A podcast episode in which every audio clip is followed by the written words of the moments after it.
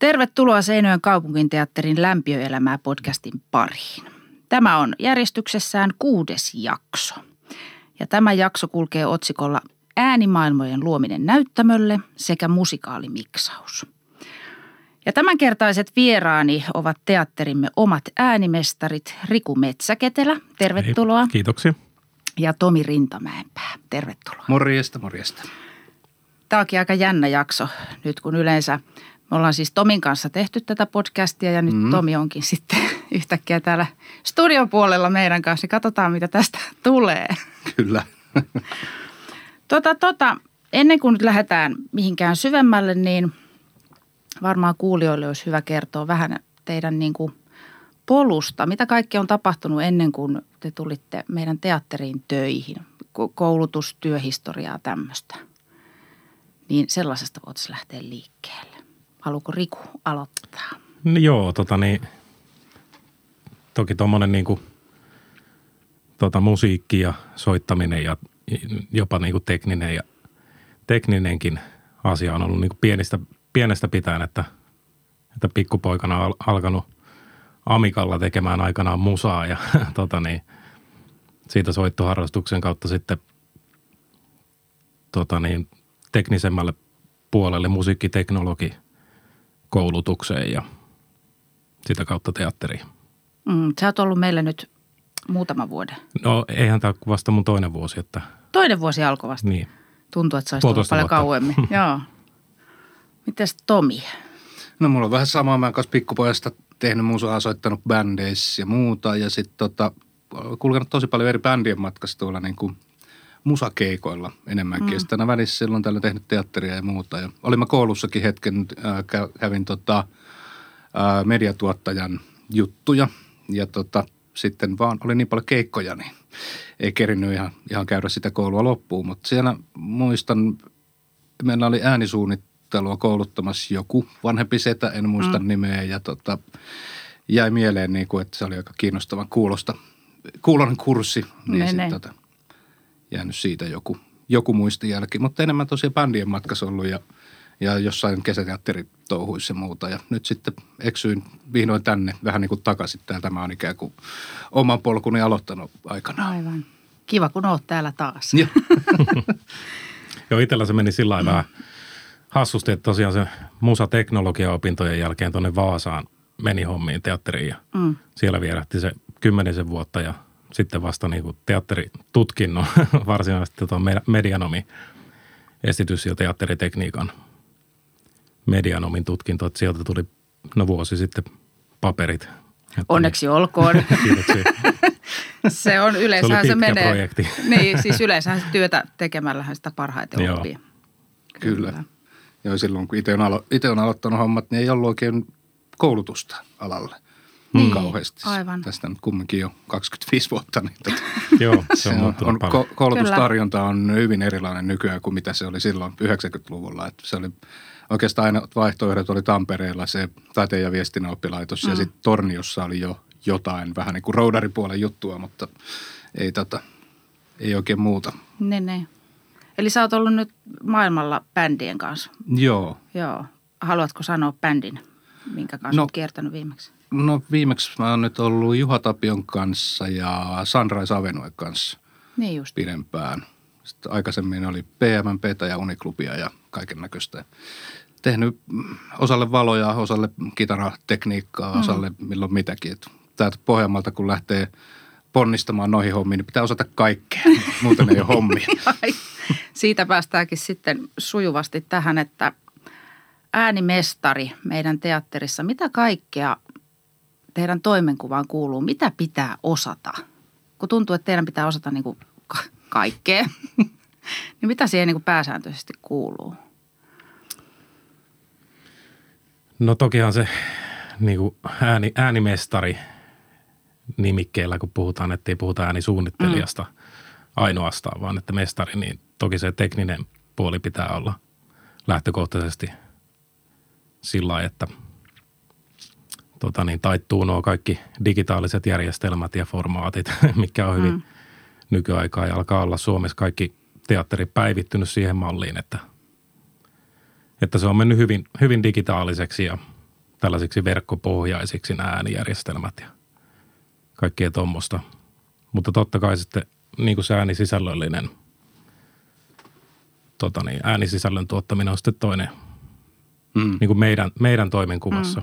Aivan. Tietysti, että näyt, näytelmien äänisuunnittelu ja järjestelmän ylläpito, työt ja Niin just. Mm. Plus just tämä äänien tekemistä pitää niin kuin, äänityshomma pitää olla hallussa, että pystyy tekemään näitä juttuja ja, Mm. ja, ja onhan tuossa aika paljon kaikenlaista. Joku just miettii, tuosta digitaalisuudesta tuli mieleen, että joku miettii, että olikohan joku yksi vai kaksi verkkoprotokollaa vielä, jos lisätään meidän systeemeihin, niin sitten meillä on niin kuin kaikki käytössä. Että, Niin just. että siellä on hyvin monta erilaista juttua, että kaikkien kanssa pitää jotenkin pärjätä.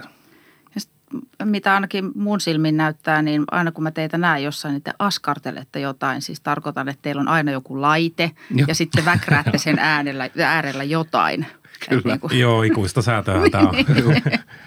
Varsinkin tässä, kun vaikka niin kuin sanotaan, että toi saliäänijärjestelmä tavallaan se on kiinteä. Siellä on kajarit on tietyllä paikallaan, mutta sitten näytelmästä riippuen sinne voi tarvita sitä ja tätä ja välillä se pitää olla langatonta ja välillä langallista ja muuta, niin sitten tuolla värkkäillään kaiken näköistä aivan. juttujen kanssa saadaan ääni tulemaan jostain tietystä paikasta ynnä muuta. Se on aikamoinen suo, mutta aina pitää olla jotain värkkäämistä. toki, toki. Äänisalijärjestelmä. Siitä päästään tärkeä asia. Meillä on siis ollut remontti, joka on koskenut myös äänipuolta tuolla niin kuin teatterisalissa. Haluatteko te kertoa, mitä siellä on niin kuin tapahtunut, mitä kaikkea uudistuksia sinne on tullut tämän remontin myötä? Joo, no suurin on tosiaan toi niin kuin itse kaiutijärjestelmä, että Mm. se antaa tosi paljon mahdollisuuksia. Ja toki niin kuin, tota niin, niin, no justiin toi digitaalinen harppaus on ollut aikamoinen. Mm.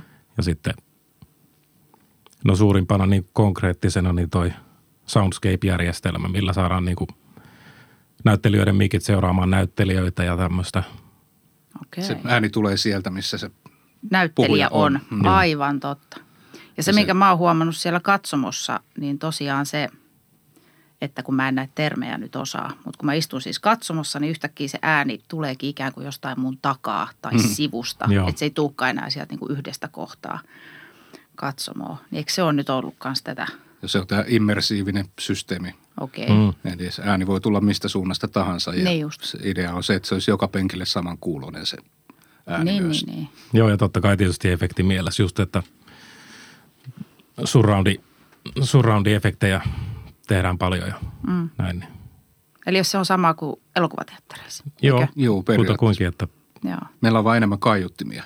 Niin, niin. Aivan. Jos ajatellaan normaali kotiteatterihomma, että siellä on se suppari ja keskikaiutin ja sivukajarit ja takakajarit kajarit, eli 5.1, niin mikähän tuo meidän järjestelmä nyt sitten olisi joku 40.9 tai jotain.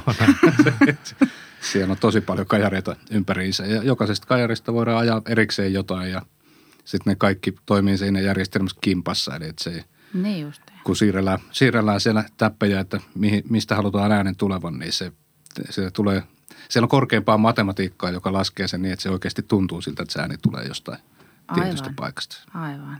Joo, ja sitten yksi on tietysti toi moniraita äänitys, mikä saatiin nyt tonne, niin periaatteessa bändi voi käydä kerran paikalla ja sitten me otetaan se moniraitana talteen ja me voidaan tehdä sen, sen perusteella hyvinkin paljon valmisteluja ja miksauksia. Minkälainen se on ollut ennen, kun vertaa, että nyt ollaan tämmöisessä moniraita? Voi että näitä teidän termejä. Eli ennen, kun bändi tuli, te otitte sen nauhalle versus te otatte sen nyt nauhalle. En- No ennen ei otettu nauhalle. Niin te just. Tai siis ei ollut tätä moniraita mahdollisuutta. Niin, Niin, niin. Kyllä jonkinlainen äänitys on varmasti ollut mahdollista, mutta niin kuin sitä, että saadaan sellaisenaan, kun se bändi olisi oikeasti kytkettynä, se takaisin soitettua sinne mikseriin, Aivan. niin tämä tuli niin kuin nyt. Eli oli jo korkea aikakin. Juu, Kyllä. Joo. Meillä on tuolla live-keikkapuolella sitä on käytetty pitkään jo, että meillä yleensä otetaan keikka nauhalle, sillä moniraitahommalla, jolloin ei tarvita bändiä soundcheckin seuraavana päivänä, kun siinä välissä ei ole mikään muuttunut. Hmm. Aa. edellinen keikka on riittävän lähellä sitä, mitä se tulee illalla olemaan, niin voidaan tehdä soundcheck virtuaalisesti. Eli meillä on virtuaalibändi ja sieltä soi se koko, koko show niin kuin se olisi bändi siellä lavalla. Hyvin hämmentävää, Kyllä. kun miettii niin kuin ennen, että soundcheckissa oli vaan oltava. Juu. Meneekö tämä nyt tulevaisuudessa siihen, että sit näyttelijöitäkään ei tarvita soundcheckiin, että te voitte ottaa edellispäivän esityksestä? Se tota, periaatteessa olisi mahdollista, mutta sitten se vaatisi taas meiltä enemmän väkeä, koska mikrofonit on pakko tsekata anyway. niin just. Et Joo. se, että vaikka meilläkin tuo live-hommissa, jos tota, bändi ei tule tsekkiin, niin se ei tarkoita, etteikö me oltaisi silti käyty kaikkia vehkeitä läpi. Niin, niin, Et kaikki aivan. on otettu silti PAsta asti ulos, että näin. Mutta tota, sä, sä, säästää niin kuin, varsinkin kun on kiireisiä maailmantähtiä, joille tekee hommia, niin ne saa tota, tehdä niitä haastatteluja ja muuta juttua Niin sen just. päivän, eikä tarvitse notkua siellä keikkapaikalla. Mm. Eikä Aivan. tarvitse niinku sen takia artisteja paikalle, että äänimies haluaa ruuvata jotain laulukaikua tai jotain. Niinku. Mm. Että me voidaan tommosia asioita hioa niinku hyvin pitkälle, Mm. mitä on ennen pitänyt tehdä vaan siinä live-tilanteessa, että nyt, nyt siellä saadaan sitten hyvillä mielin sunnunt- sunnuntaina säätää justiinsa. laulusoundia. Kyllä. On toi hämmentävää, miten se on muuttunut niistä ajoista, kun itse on ollut lavalla. Niin jotenkin ihan eri. Tota, Sitten kun puhutaan esityksen pystytyksestä, eli meillähän se tarkoittaa sitä, että kun lavastus pystytetään, niin sinne kaverit tulee ja tuo lavastuksen ja ruuvaa sen paikoilleen. Mitä se tarkoittaa niin kuin teillä äänipuolella? Mitä tarkoittaa esityksen pystytys? Mitä te teette? Se riippuu niin paljon siitä, mitä ollaan tekemässä. Tuossa on tota, esimerkiksi mä oon ajanut nyt tota pelkkänä korvana, eli ulkomaalainen näytelmä. Mm. Siinä ei käytännössä tarvitse tehdä mitään suurempia muutoksia. Mennään siellä kiinteällä järjestelmällä, mikä on. Mm. Mutta sitten taas, jos, jos se tota, vaatii hirveästi jotain ylimääräistä purkkia ja purnukkaa sinne tänne, niin nehän pitää tietysti kaikki sinne asetella ja testata Aivan. ennen kuin voidaan show laittaa käyntiin. Riippuu paljon. Mm. Niin. Ja nyt on aika hyvä tilanne, kun Peppi ja Evita on, tota niin, orkesterisijoittelu on sama, niin se pysyy siellä koko kauden. Niin Mutta no, normaalistihan, aivan. tai niin kuin monesti voisi olla niin, että, että bändijutuissa pitää purkaa ja kasata koko bändikattaus, mutta Mm. No ei onneksi nyt, nyt, ei nyt on aika vähän niin kuin mitään isompaa Ollaan yritetty, äänikasausta sinänsä. Että, mm. niin, ollaan yritetty pitää asiat hyvin samanlaisena. Että vaikka show vaihtuu ja soittajia saattaa vaihtua, mutta se, että Aivan. meille pysyy tietyt asiat samassa paikassa, niin se helpottaa tosi paljon vaihtoja. Joo, nyt voisi tehdä vaikka Evita ja Peppi pot, potpurin. Niin. Ihan osutaan vaikka kesken biisinkin. Niin justi. Kanavat on samat. Voi lue. Niin ja bändikin, kun te saatte sen sinne moniraita, sinne, tal- niin kyllä. Joo. Tota, ää, miten eroaa, mitenköhän mä nyt muotoilen tämän kysymyksen, että tästä tulee jotenkin ymmärrettävä. Jos te teette äänisuunnittelun draamaan tai sitten teillä on käsissä vaikka musikaali, niin ku, miten nämä kaksi eroaa toisistaan niin kuin äänisuunnittelijan näkökulmasta? No okei, musikaalissa on selvää, että siinä on se musa, Mm. mutta sitten niin kuin draama, niin. Tulikohan tässä nyt yhtään ymmärrettävä? No siinähän tuli vastauskin. Niin mä vastasin itse. Tai oikeastaan, no siis suurin Niin, siis- erohan on tietysti niin. se, että se Mm. äänisisältö on tota niin, suurimmaksi osaksi kapellimestarin johtamaa musiikkia musikaalis, että se mm. lähtökohtaisesti jo vähän vähentää sitä tota, varsinaisen tehosteääni sisällön osuutta siinä äänisuunnittelussa, että mutta sitten taas draama tietenkin, niin siinä ei ole niin kuin välttämättä mitään, mikä määrittää niin kuin mitään sisältöä, että mm. sitä lähdetään sitten pidemmän prosessin kautta monesti yhdessä ohjaajan kanssa sitten pallottelemaan ja Aivan. että se voi olla sitten kaikkea, kaikkea äänitehosteista säveltämiseen asti, että mitä siitä syntyy. Niin, eli teidän pitää osata myös säveltää. Kyllä. Kaikki tämmöiset pitää olla Hallussa. sillä hallussa, että pystyy jotakin tuottaa. Meneekö se siis tota, yleensä niin, että tuleeko ne ohjaajalta ne toiveet vai lukeeko ne siinä käsiksessä? Vai miten se lähtee rakentumaan se? No se on niin, niin vaihtuvaa, että, mm. että niin, niin, joskus on tosi musikaalisia ohjaajia ja, ja joskus taas tota niin, niin, joskus on ihan täysin vapaat kädet ja mutta totta kai se niin kuin aina lopulta sitten se lopputulos on yhdessä ohjaajan kanssa Niin. hiottu.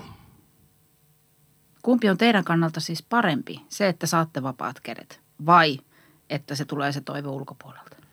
No mä näkisin, että se niin kuin, vaikka se toive tai ideat tulee toisaalta, niin se on silti aika vapaat kädet. Että, mm. että kuitenkin se, tota niin, vaikka se toinen heittää idean, niin sä oot se, joka se toteuttaa ideasta niin kuin soivaksi materiaaliksi ja se muuntuu siinä matkalla ja näin, niin se on silti niin kuin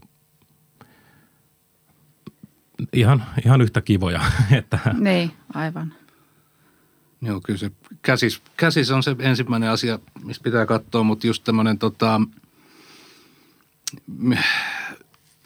mietin tuossa just esimerkiksi tota humisevaa harjua, jossa on aika paljon siellä, siellä niin kuin soi tosi pitkään kaiken näköistä ja, ja muuta, niin sit se, ei se välttis lue käsiksessä, että tässä pitäisi nyt olla tämän tyyppinen fiilis musassa Aivan. tai, tai mm. muuta. Että siellä mä ainakin noi käsikset, mitä nyt on siellä ollut viime aikoina, niin siellä on enemmän käytännön asioita. Että auto, auton torvi töyttää tai jotain Niin, vastaavia, mutta se musiikki saattaa olla sitten vähän niin kuin eri, eri flowlla. Kyllä. Että se pitää sitten ohjaajan kanssa päästä samalle autopituudelle ja tarjolla sitten sinne asioita. Ja jossain vaiheessa pitää löytää se yhteinen sävel sitten ja Niin. saada homma maaliin. Ja Joo, mon- itse mä oon ainakin vähän, mä oon huomannut, että mä jopa vähän pitänyt siitä niin kuin, tota sellaisesta pe- peura-ajovaloistyyppisestä pienestä paniikista tuolla, että, tota niin, niin, että on se tilanne, että ei ole niin kuin mitään, mutta sä oot siellä mm. paikalla ja sulla sitten on soittimet ja työkalut, läppäriä ja äänitehosteita ja kaikkea siinä sitten pitää vaan raapasta jotain. Aivan. tai ei niin kuin pidä, mutta siis sillä lailla, että lähdet siinä Luomaan, niin. prosessissa tekemään niin kuin sitä, niin siitä voi syntyä vaikka mitä. Niin just. Sillä se on kiva tunne, että kun tulee puoli vahingossa joku, joku tota niin, Helmi. helmi. niin. Niin ja ja siitä si- voi niin, tulla ihan kyllä. sitten niin kuin näytelmän kantava teemakin lopulta, Kyllä.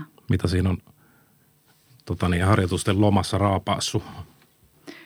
Ja siis monestihan ja parhaimmillaan se on sitä, mitä itse on kokenut silloin, kun ollut näyttämöllä, niin se ääni, maailma tai maisema, mitä siellä on, niin monestihan se, no ensinnäkin se tukee näyttelijän työtä niin kuin Hmm. ihan täysin, mitä, mitä mä oon kokenut. Ja sitten se on semmoista vuoropuhelua, niin kuin esimerkiksi teidän ja näyttelijöiden välillä. Ja sitten monesti siinä on vielä se, että se ääni, maisema, maailma, niin se vie tarinaa eteenpäin. Et Joo. se ei ole pelkästään se, että niin kuin ne on yksittäisiä ääniä, Kyllä. vaan ne kuljettaa sitä tarinaa osaltaan myöskin niin kuin eteenpäin. Tässä on just se selkeä ero niin kuin teatterin musiikin ja leffamusiikin välillä. Mm, Yleensä leffasäveltäjä saa valmiin kuvan eteen ja sitten ruvetaan raapimaan siihen juttuja. Kun meillä taas, jos, kun tarjolla on oikeassa kohtaa sitä musaa, niin se ruokkii myös sitä näyttelijän työtä, kyllä, koska ne on, se on vuorovaikutusta Mm, mm, kyllä. molempiin suuntiin. kyllä, kyllä. Joo, sitten tota, ääni, ääni. Mistä, mistä ne äänet löytyy? Onko niitä siis, onko niitä jossain valmiina? Jos ohjaaja pyytää vaikka, että tässä olisi kiva nyt, kun ovikello soisi tässä kohtaa. Mistä te lähdette niitä ääniä hakemaan? Onko joku pankki, äänipankki Hmm, olemassa? Joo, löytyy. Ny- Nykyään itse asiassa on hirveän kiva tilanne, kun netistä löytyy siis maksullisia ja ilmaisia palveluita, joista voi löytää kaiken näköistä. Niin, Koska ennen se, niin kuin jos halus laadukkaita jotain audiosampleja, niin ne oli sample-CD-tä. Täällä on niitä, jossain tuo kellarissa on vinopino, missä on, siinä saattaa olla vaikka 40 ääniefektiä CD-levyllä. Siellä on ihan hyvin randomia, mitä on katsonut toi yksikin sarja. Mm. Mä muistan, että mulla on joku levy ollut itselläkin niitä aikanaan, kun tarvii jonkun, jonkun tuota kaivinkoneen tai panssarivaunun äänen, niin piti hakea CD-levy kaupasta ja plarata, että löytyy se oikein. niin. Nykyään se tosiaan netistä löytyy paljon, mutta se tosi paljon tehdään itse, Hmm. koska se on se juttu, että jos pystyy itse äänittämään varsinkin tämmöisiä käytännön ääniä ja muuta, Niin niin, just. niitä on kiva tehdä. Aivan. Et Silloin ne on aina yleensä ainutkertaisia, kun Niin. itse tekee. Ne on Joo, omia. ja sitten vaikka niinku tulee kyllä tehostepankkejakin käytettyä, niin kyllä niillä aina niin kuin tehdään jotain. Että Juu. Niin just. Jos sä löydät, no ehkä ovikello mm. on semmoinen, että se, se voi olla ihan mikä vaan, mutta Niin. niin. kunhan se toimii siihen Mutta se ovikellokin on, mutta- ovikellokin on hauska kysymys, että se ohjaaja pyytää ovikello, niin ensimmäinen kysymys äänisuunnittelijalle on, että miltä vuosikymmeneltä mm. se Niin justiin. Aivan, onko se summeri vai onko se se, joo just, kyllä.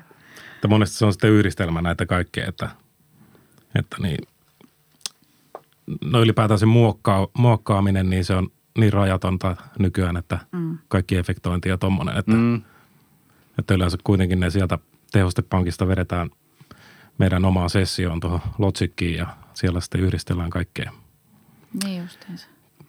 mukavia efektejä ja Onko ne siis maksullisia? Sä sanoit, että on sekä että. on sekä, että joissakin on jotain kuukausimaksullisia hommia, joilla saa Niin käyttöön. Jotkut on ihan jotain lisensoitavia juttuja, maksaa X määrä vuodessa käyttää mm. jonkun juttuja. Ja sitten on ihan ilmaisia, löytyy myös. Sitä Google Free Sound Effects, niin sieltä tulee kaikenlaista. Niin eli periaatteessa kuka tahansa voi tehdä jotain yksinkertaisia äänijuttuja tämmöisillä. No periaatteessa Joo. kyllä. Ja paljon tehdäänkin. Nykyään okay. tehdään enemmän just videojuttuja kuin varmaan koskaan aikaisemmin. Jengi tekee YouTubeen, tubettajat ynnä muut kaikenlaista. Kyllä. Niin jostain niidenkin täytyy ne raapia ne efektit niihin videoihin. Kyllä, kyllä. Esimerkiksi Ylehän, Ylehän luovutti tosi ison paketin niiden ääniefektejä sinne free- freesound.orgiin, niin Joo. freesound.org, niin siellä, siellä on tosi, la, tosi laaja valikoima ja muun muassa Ylen koko kakku, Joo. Niin. että Eli löytää ihan niin kuin suomen, kieli, suomen Niin kielellä, kielelläkin hakusanoilla tehosteita. kyllä. Eli nyt kaikki nuoret, jotka haluatte tehdä videoita ja saat, haluatte niihin efektejä, niin freesound.org Joo. oli tämä. Se on yksi, yksi näitä. Sieltä vaan etsimään. Ja te sävellätte myös itse musiikkia, Joo. eikö? Joo. Ja nyt humisevassa harjossa siinähän kuullaan Riku sun säveltämään musiikkia, eikö Joo. näin ole? Joo. Hienoa, hienoa musaa. Sitten äänidemoja mä pyysin tähän lähetykseen, että, että olisi ihan mahtava saada vähän niin kuin kuulla tämmöisiä äänidemohommeleita. Niin olisiko nyt sen aika, No nyt voisi että voitaisiin tyypata vähän jotain. Mä tein tota, tonne muutaman, muutaman tuommoisen esimerkki jutskan, kun Jaa, aika yleinähän on niin kuin, mitä tarvitaan, on säätilat. joo. Esimerkiksi joku, jos lavalla sataa, niin kyllähän siitä vähän pitää kuuluakin jotain. Mm. Tai, tai tuulee tai mitä ikinä kohtaus vaatii, niin mä tein tämmöisen kivan tuulisen maiseman. Oi, oi. Tässä on vähän yhdistelty eri, erinäköisiä juttuja. Ja sitten koska saattaa, me tarvitaan tästä märempi. Joo. Ja me pannaan sinne vähän litinöitä päälle kivasti. Jos meillä on oikein myrskyä, niin sittenhän meillä pitää olla ukkosta. Ja tämmöisiä. Oi luoja. Tälleen niin kuin, nämä on yhdistelty kaiken näköisistä eri, eri hommista ja saatu tollain. Ja tuota voidaan siis salissa levitellä niin, että sieltä tulee tiettyjä tiparopinoita tulee jostain Niin, päin. niin. Ja esimerkiksi tuossa äh, ulkomaalainen komediassa, niin siellä on, äh, Kässärissä oli jo tilaus, että sade tulee mökin ulkopuolelta. Okei, okay. Niin siellä tulee sitten kaikenlaista pellikaton propinaa ja muuta vähän sieltä sun täältä. Ja niin, niin. siellä on jopa muun muassa meikäläisen Harley Davidsonin ää, tota, moottorin klopinaa mukana, joka kuulosti ihan siltä, kun pisara putoilee pellikatolle. Niin. Eli niitä saattaa löytyä siellä. ihan ihmepaikoista näitä tämmöisiä niin Se, joo. oikeanlaisia soundeja. Mä pysähdyin moperilla joskus ja joskus kesäaikaa ja kuuma kone, se tikittää semmoista tik, tik, tik, tik, tik, tik, tik, tik. Mä sitten ajoin johonkin pellon reunaan, missä on mahdollisimman vähän liikenteen melua ja äänitin sitä. niin justiinsa. Se toimi siellä oikein hyvin. Anteeksi, saanko mä lainata sulta käsidesiä hieman käsilaukusta? Joo, o- ole hyvä. Oi, Nämä on kyllä naisten käsilaukut, voi jeestas, kun näissä on tätä Voi tavaraa. luoja! Tämä on niin tyypillistä miesten ajattelua nyt, että naisten käsilaukusta löytyy kaikki. Laita vielä uudestaan, siellä hajoskin joku lasi. Katsotaan, saanko Ota. se Joo. Tuolla. Sitä avataan Joo. se ja sittenhän se lipsahtaa kädestä. Noin. Herra Jumala! Ihan tuommoinen realistinen. Joo, no.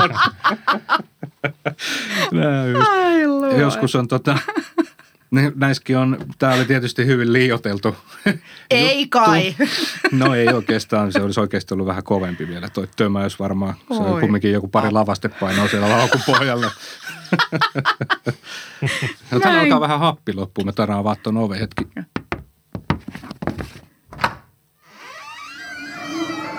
Ai itse, täällä on täys eläintarha taas käynnissä. Ei. No tämähän on aamulla, kun töihin tulisi. Niinpä, Tämmöistä meillä on teatterilla. tämmöistä meillä. Ehkä pannaan toi kiinni.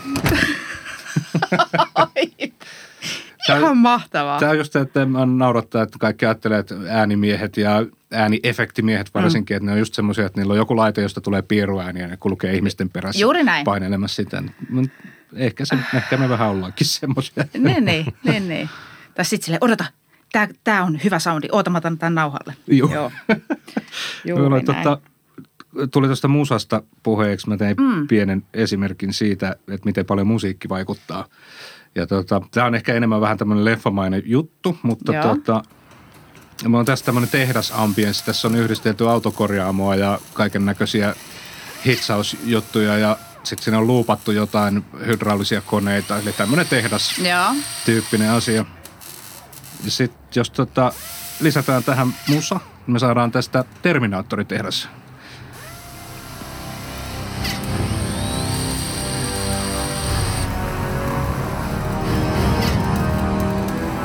Eli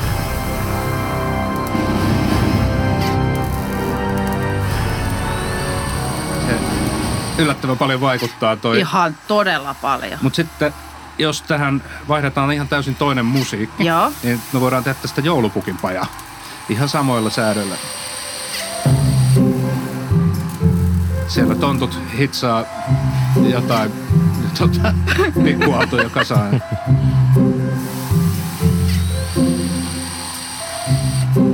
Et se miettii, että se ihan sama, sama tehdastausta, mutta miten paljon Siis musa kyllä. vaikuttaa siihen, että mikä fiilis Se muuttuu tulee. se maailma ihan täysin. Kyllä. Ja sitten on mahtavaa toi, että kun sulla on ensin joku yksi ääni ja sitten sä rupeat lisään siihen tavaraa, Mm, niin kuinka se muuttuu? kyllä. Voi että. Laita vielä kerran Terminaattori.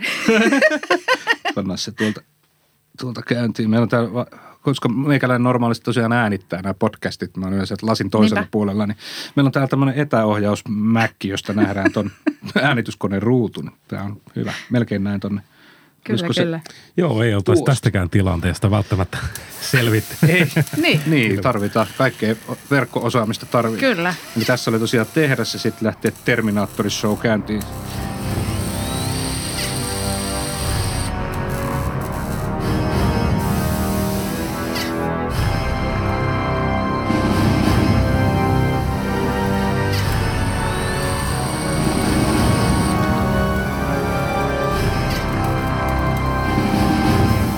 Semmosta. Ai että näitä voisi kuunnella vaikka kuinka pitkään. No tuossa meikäläinen sävelsin tällä esimerkin omaisesti tuohon noin pätket. Niin justiin. Eli nämä oli nyt sun omia sävellyksiä. Nämä oli ihan tuollaisia, mitä tuossa nopeasti kerkesi tätä juttua varten tekemään. aivan. Mutta aivan. noita pitää tulla jostain aivosopukoista sitten, kun mietitään, mietitään hommia tunnelman mukaan. Eli se luomistila on oltava päällä. Kyllä, Niin kuin aina. se on. Ja sitten meillä, niin kuin silloin kun tehdään äänisuunnitteluhommia, niin meillähän on hirveä valta siinä, että kuinka epämukavaksi me saadaan ihmisten fiilis siellä katsomus. Että se miettii, että on romanttinen kiva kohtaus Niin käynnissä, mutta sitten isketään siihen tämmöinen musa, niin se kohtaus saa aika eri merkityksen. Et ihan teidän fiiliksestä riippuen. Joo, kyllä. kyllä ehkä lähinnä se, mitä sinne No joo, tilataan. aivan, aivan, aivan. Semmosta. Aika Kyllähän sitä makeita. joskus tuommoisia vastakkainasettelujakin on tietysti, Niin. mitä niin kuin haetaan. Että Niin, sepä. Kyllä. Että jos siellä onkin, hahmolla onkin oikeasti taka-ajatus, vaikka se puhuu Se. mukavia, niin sitten se saadaan niin kuin ilmi tällaisilla pikkujutuilla. Ja kuinka paljon toi auttaa näyttelijää nimenomaan toikin, Niin. niin. että tavallaan se sen pään sisäinen maailma saattaa tulla just sieltä äänistä. Aivan. Ja sitten hän voi itse niin kuin tulkita ihan toisia juttuja samaan aikaan. Mm. Joo, ja sekin on, sekin on kyllä mielenkiintoista justiin seurata sitä näyttelijöiden reaktiota ja mm. varsinkin just siinä alun kokeiluvaiheessa, että siinä tulee hylättyä ja jatkojalostettua ideoita, kun sen jotenkin aistii sitä niin kuin reaktioista, ensireaktioista, miten ne suhtautuu siihen musaan ja ääneen Niin ylipäätään. ja, justiinsa. ja sitten tietysti niin kuin välitöntä palautetta myös siinä tulee kyllä niin kuin aina työryhmältä ja Niin, niin, ohjaajilta. Että, Että käytte vuoropuhelua niin kuin myös näyttelijöiden kanssa. joo, Joo. All right. Tota, Sitten puhutaan vähän tuosta mikitysasioista tai, tai äänen vahvistamisesta. Millä tavalla se, että te vahvistatte näyttelijän esimerkiksi ääntä eroaa siitä, että te vahvistatte laulusoundia? Onko niissä eroa oikeastaan? joo tokihan siinä on, on tota niin, Meillähän käytetään, eikö käytetään nyt aika paljon sitä, että niin melkein näyttelijöiden äänet on vahvistettu tuolla Joo. isolla? Isolla se- puolella, joo. Se, no Evitas meillä on, siellä on muistaakseni erikseen laulu- ja puhekanavat, Mm.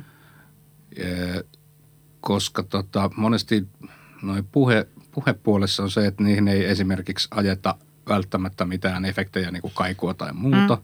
joka taas laulais sulauttaa sen äänen mukavammin sinne bändin sekaan, mutta sitten toisaalta koska meillä on, me tehdään teatteria, niin se ero ei ole pelkästään ehkä siinä, koska se, jos ollaan ulkona jossain, mikä pitäisi olla kaikuinen paikka, niin sitten me voidaan lisätä sinne sitä kaikua ja Aivan. muuta niin kuitenkin. Mutta se, ehkä ne on enemmän semmoisia volumeseikkoja, että näyttelijä saattaa puhua juttuja aika hiljaa ja laulaa, mm. tulee, tulee kuin sumutorvi, niin sit se pitää niinku varautua siihen ja tehdä kaikenlaisia ratkaisuja, mutta hmm. oikein tiedä, No tuollain kohtauksissa, niin kyllä sillä niin kuin tietynlainen kaari sillä volumellakin on niin kuin siinä Niin. niin. näytelmässä, niin. Niin. että kuinka se elää, että ei koko ajan niin kuin pyritä samaan tasoon, vaan se kohtauksen pituus ja mitä näyttämällä tapahtuu aina vaikuttaa siihen Eli teidänkin äänen pitää olla. Että jos on just joku ollut tosi iso musanumero, niin sittenhän sitä vähän niin kuin on, tota niin, ei sitä voi niin kuin pudottaa ihan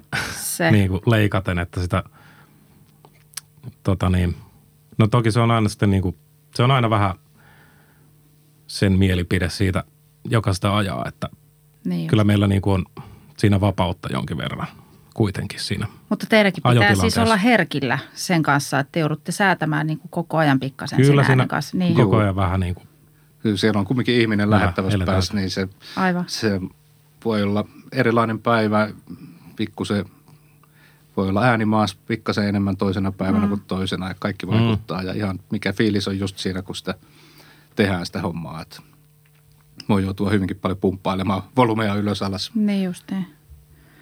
Ja nythän on siis, sitten tuossa on vielä se, että kun esimerkiksi itse istuu katsomossa ja on iso musikaali, niin kuin nyt esimerkiksi Evita, ja on suuri jättimäinen musiikkinumero. Hmm.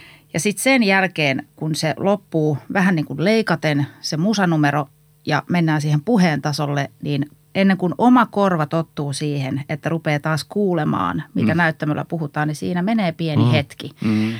Ja tätä monasti välillä aina kuulee, että kun en, en kuullut mitään, mitä hän siellä puhu, mutta kun se on se, se on toi meidän oma korva vähän sellainen, että siinä ei teidänkään mikään taikuus oikeastaan auta siihen, että niin kuin se pitää sen korvan tottua ja sit rupeaa taas niin kuin kuulemaan. Joo. Että ette te voi laittaa volumea kaakkoon, niin kuin sitä puhesoundia myöskään, että et noin. Joo, siihen tulee kiertorajat ja muut vastaan Niin. äkkiä. Plus siinä on, Evitassa on esimerkiksi, siinä on musikaalin kaikista voimakkain kohta on just siinä niin kuin ensimmäisen näytöksen loppu, missä on Joo. kaikki lavalla, kaikki laulaa ihan urku auki ja muuta. Ja siinä on oikeastaan pelastus se, että siinä tulee suoraan leikaten hiljaisuus ja alkaa väliaika ja uploadit, koska siitä on niin kuin mahdoton nokittaa Kyllä. mihinkään suuntaan oikeastaan Kyllä. kaikki sen jälkeen tuntuisi niin kuin heti tosi laimeelta. Tai Oh. sitten niin kuin, jos pitäisi siitä vielä jotenkin päästä kovemmaksi, niin se ei vaan käy. Se, se. Et se, meidän täytyy kumminkin mennä rajo, rajoitusten mukaan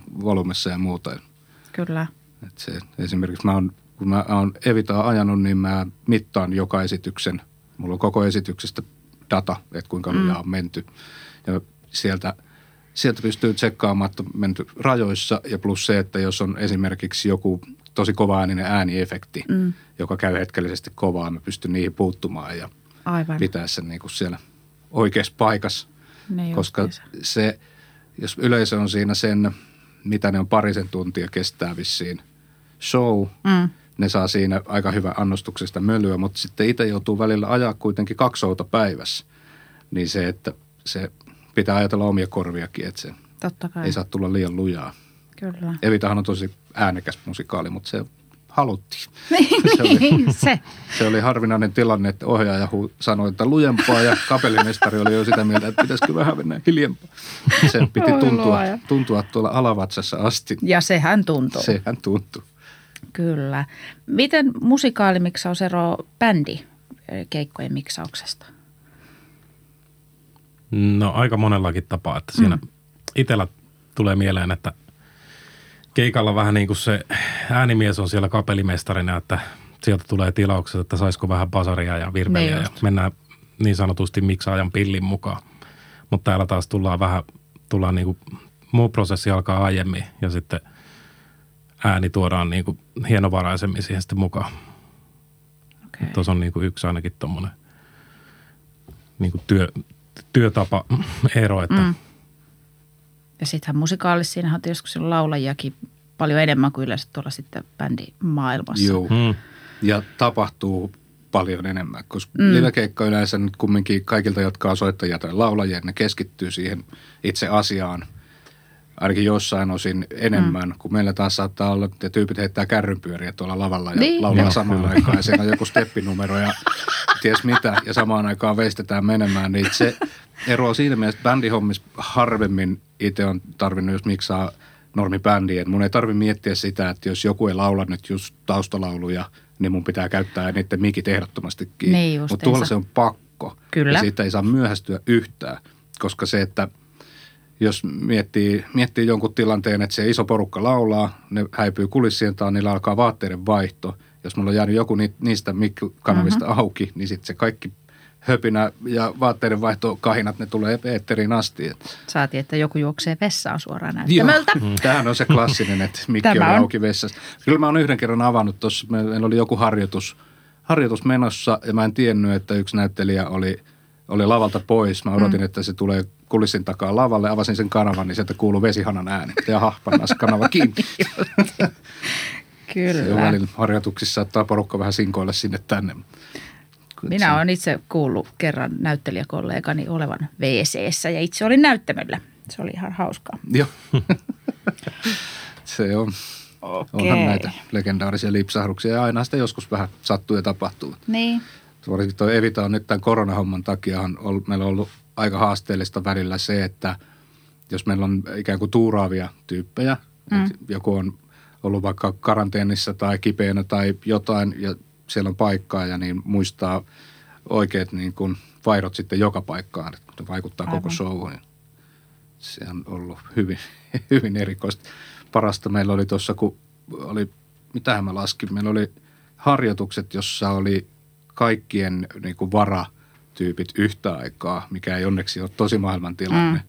Mutta siinä kohtaa olisiko niitä ollut kymmenen tyyppiä, jotka ei olekaan ne tyyppi siinä näytelmässä, kenen ne Jestä. pitäisi olla, vaan ne onkin jokin toinen ja sitten jossain kohtaa ne onkin taas se oma itsensä. Ja siinä oli kyllä se, sanoinkin siitä, että kun sai, sai tota, tallennettua sen kyseisen harjoituksen tiedoston tuonne miksauspöytään, niin mä ajattelin, että mä otan sen USB-tikulle sen ti- tallen, ta- tiedoston, menen Kyrkösjärven jäälle, kairaan reijän ja upotan sen uspitikun sinne. Kukaan ei koskaan tule näkemään, että mitä mä jouduin tekemään. Oi luoja. Teillä kuitenkin on vain kaksi kättä ja kaksi jalkaa, että te käydette ihan kaikkeen kerkiä aina reagoida heti. Joo. Mutta se, on siis, se yritetään. Niin, niin. Sen takia on paljon automaatiota ja digitaalista, että kädet loppuisi muuten kyllä kesken. Kyllä. Joo, näinhän se on. Meille on, tota, muistan aikanaan opetettiin, tehtiin jotain musikaalia tai mitä tahansa, missä oli meillä mikit käytössä, niin mä ainakin opin hyvin nopeasti sen, että kun lähtee lavalta, niin minimissään 20 sekuntia täytyy pitää niin kuin jotenkin pää kiinni niin sanotusti, Joo. jotta keretään laittaa niin Juu, kuin linjat aivan. kiinni. Nyt nykyään se on meillä heti. Joo. Niin, niin. Eli se, Eikä harjoitusvaiheessa on hyvä vielä pitää se Aivan. ihan Niin. aluksi. Tai Kyllä. senkin voi pudottaa puoleen, 10 sekuntia. Ja Kymmenen sekkaakin riittää. juu, kyllä se nykyään, niin se, no Nykyään on ennakko-ohjelmoitu kyllä jo niin hyvin, että Niin, melkeinpä se on heti. juu. Niin, että siis Niin se, semmoinenkin on nykyään mukaan, mahdollista. Niin, joo, kyllä me tehdään se niin kuin Just. ennakkokäsikirjoituksen mukaan ja sitten kun aletaan harjoittelemaan, niin ne on jo. Niin justiin. Mm. Alright. Joo, se tossa siis, no siinä mielessä miettii tota puhejuttua, puhenäytelmää ja musikaalin eroa niin kuin tässä, mm. niin se ei ehkä tuossa puhenäytelmässä ei ole ihan niin kriittistä, jos kaksi tyyppiä ei ole ihan toistensa lähellä lavalla, niin niiden mikit voi olla yhtä aikaa auki, jos neillä on joku vuoropuhelu, mutta Aivan. Evitas mennään niin kuin line by line miksauksella. Eli se on se mikki, jos, tai se, vain se, joka on juuri nyt laulaa tai puhuu, on auki. Kaikki Niin muut just. on aina kiinni. Okei. Ja se aiheuttaa välillä semmoista pientä tanssahtelua tuolla, kun siellä saattaa laulaja vaihtua koko ajan. Välillä tulee neljä eri laulajaa, sitten tulee kuoropätkä, sitten joku laulaja, toinen erilainen kuoro, jossa on eri tyypit ja aina vain ne kanavat on auki. Koska se, siellä on myös lavalla on lavamonitorointi, eli mm. se, mistä näyttelijä kuulee, mitä bändi soittaa, niin kaikki se vuotaa mikkeihin. Ja Kyllä. se sotkee sitä saliin tulevaa soundia. Jolloin siinä ratkaisu on ollut se, että siellä on aina minimimäärä mikkejä Niin, auki, niin. vain ne, jotka on äänessä. Voi että joskus pitäisi ottaa videolle, kun te teette työtä tuolla tiskin takana. Joo. Tuolla Facebookissa on semmoinen tota, musical sound designers äh, ryhmä, jos siellä on aika paljon näitä line by line miksausvideoita.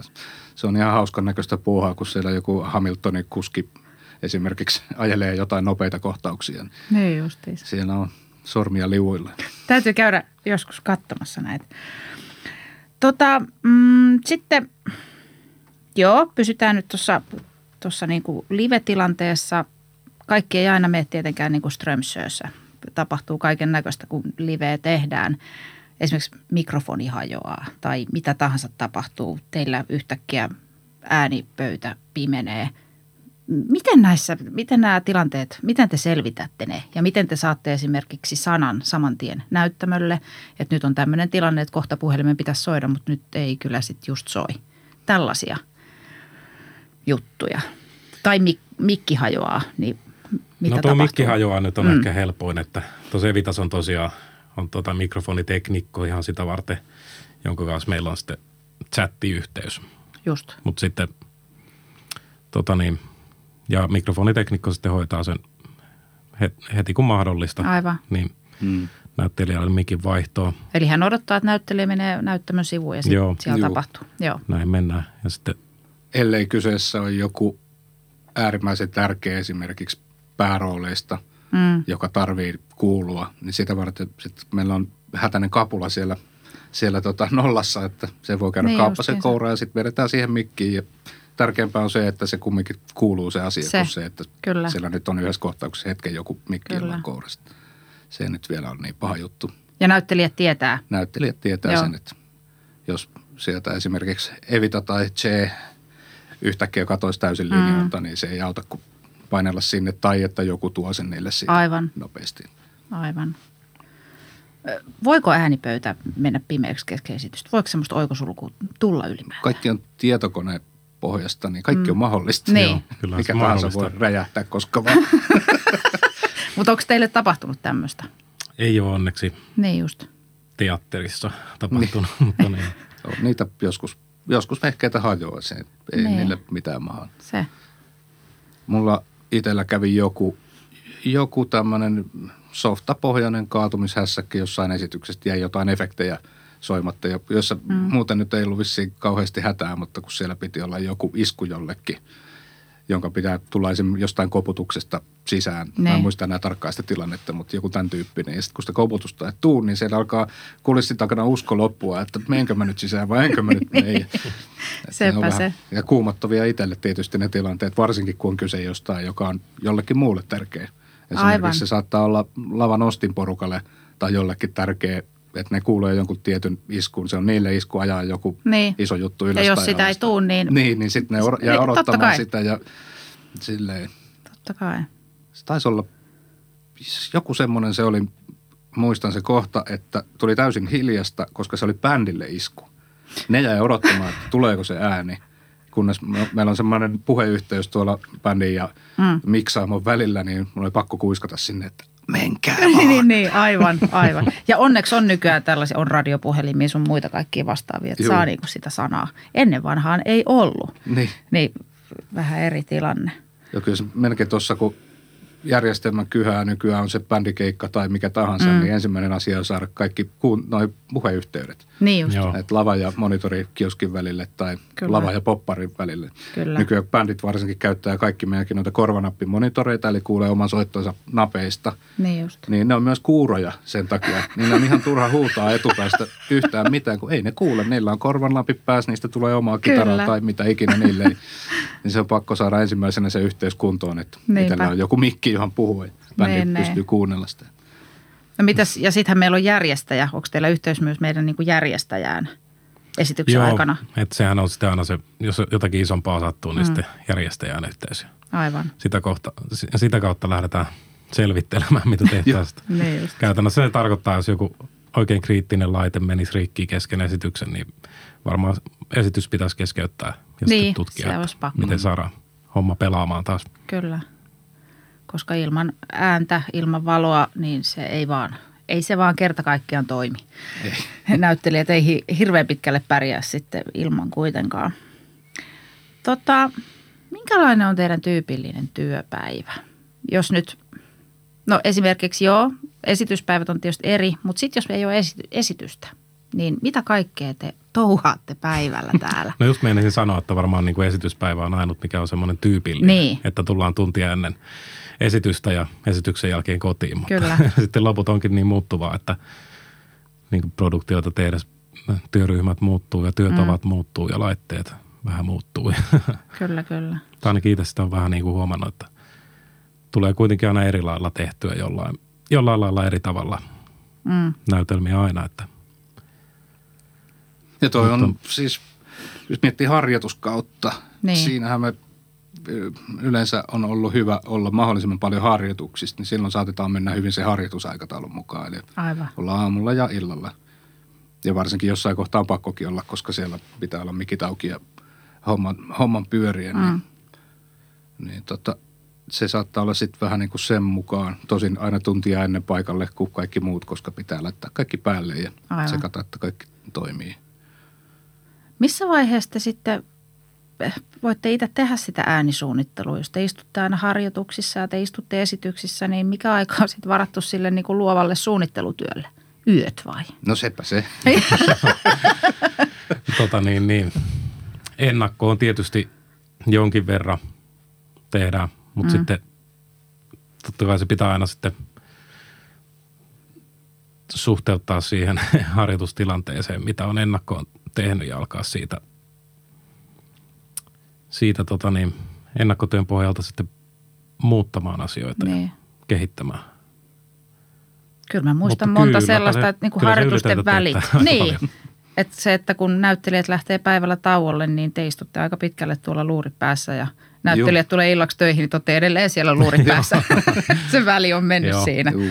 Ja siinä välissä Kyllä saattaa sitten olla se miina vielä, että jos pitäisi varsinkin tuossa salissa puuhata, että sillä saattaa olla esimerkiksi vaihto. Mm, Vaihdetaan, jos aamulla on treenattu vaikka ekaa puoliskoa näytelmästä ja illalla toista, niin siinä on vaihto Aivan. välissä ja se ottaa taas aikaa pois siitä, mitä itse voi olla tuolla ikään kuin eetteri auki. Että, kyllä, kyllä.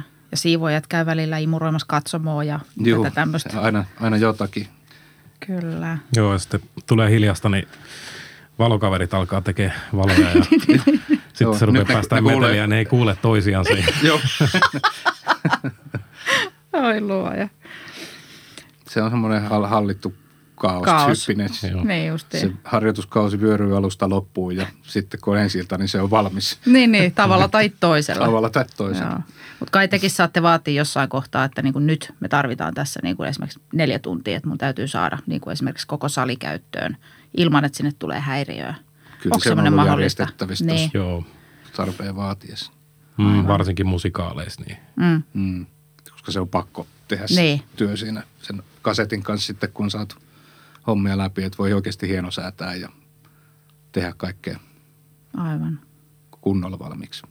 Se on kuitenkin se live-tilanne on aina vähän semmoista, se on välillä semmoista selviytymistä pikkusen, kun siinä pitää tehdä monta asiaa yhtäkkiä. Niin just. sitten kun siellä ei tarvitse sitä ihmistä soitattaa sen lavalla, niin se on yllättävän paljon helpompaa. Mm. Muistan, kun jotain laulusaudia sää, säädin tuolla salissa just sen nauhoituksen kanssa ja pyöritin uudestaan ja uudestaan mm. jotain samaa paikkaa. Mä etin jotain, jotain siitä, niin siellä alkoi jo lavapäässä tulla päitä vähän sieltä sermin takaa, että mitä, montako kertaa vielä.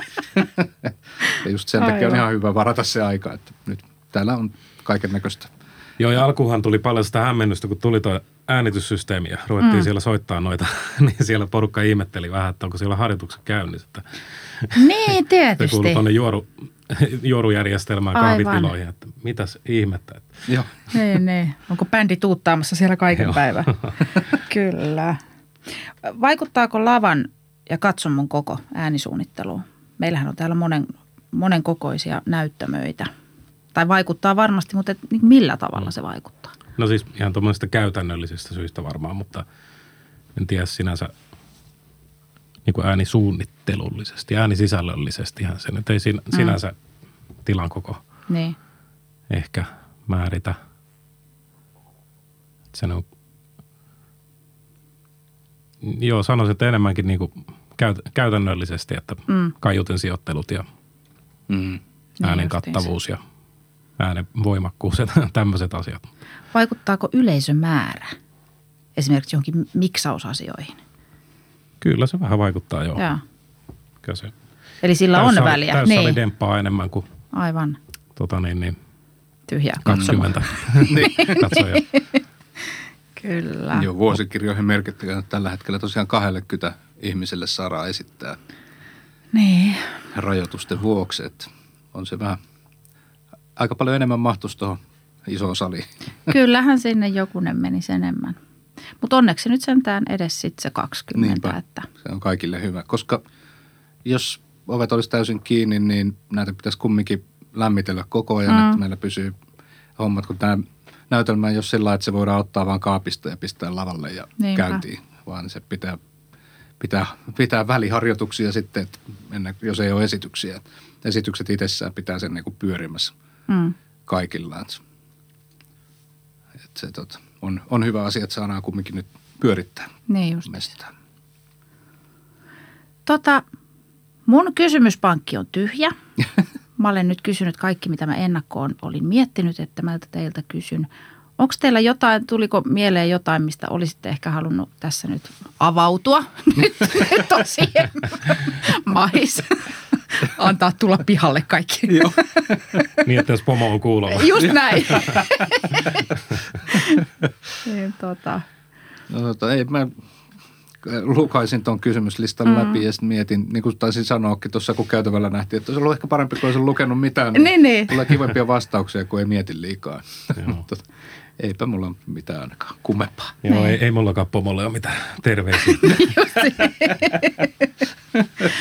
Kaikkia pientähän sitä on, mutta Niin. kyllä nyt silti niin kuin aika, aika tyytyväinen, että saa tehdä töitä nyt, just nyt ja Se. muutenkin niin kuin teatterihommia. Niin Sepä se. Onneksi tosiaan saadaan olla töissä, vaikka mm. ovet melkein kiinni ovatkin. Jos ei muuta, niin minä kiitän. Tämä oli oikein, oikein mukava ja avaava, avaava hetki teidän kanssa vähän äänimaailmoista. joo, kiitoksia. Kiitos Kiitoksia. ja pysytään edelleen terveinä ja turvassa ja pestään käsiä ja kyllä tämä tästä. Heippa.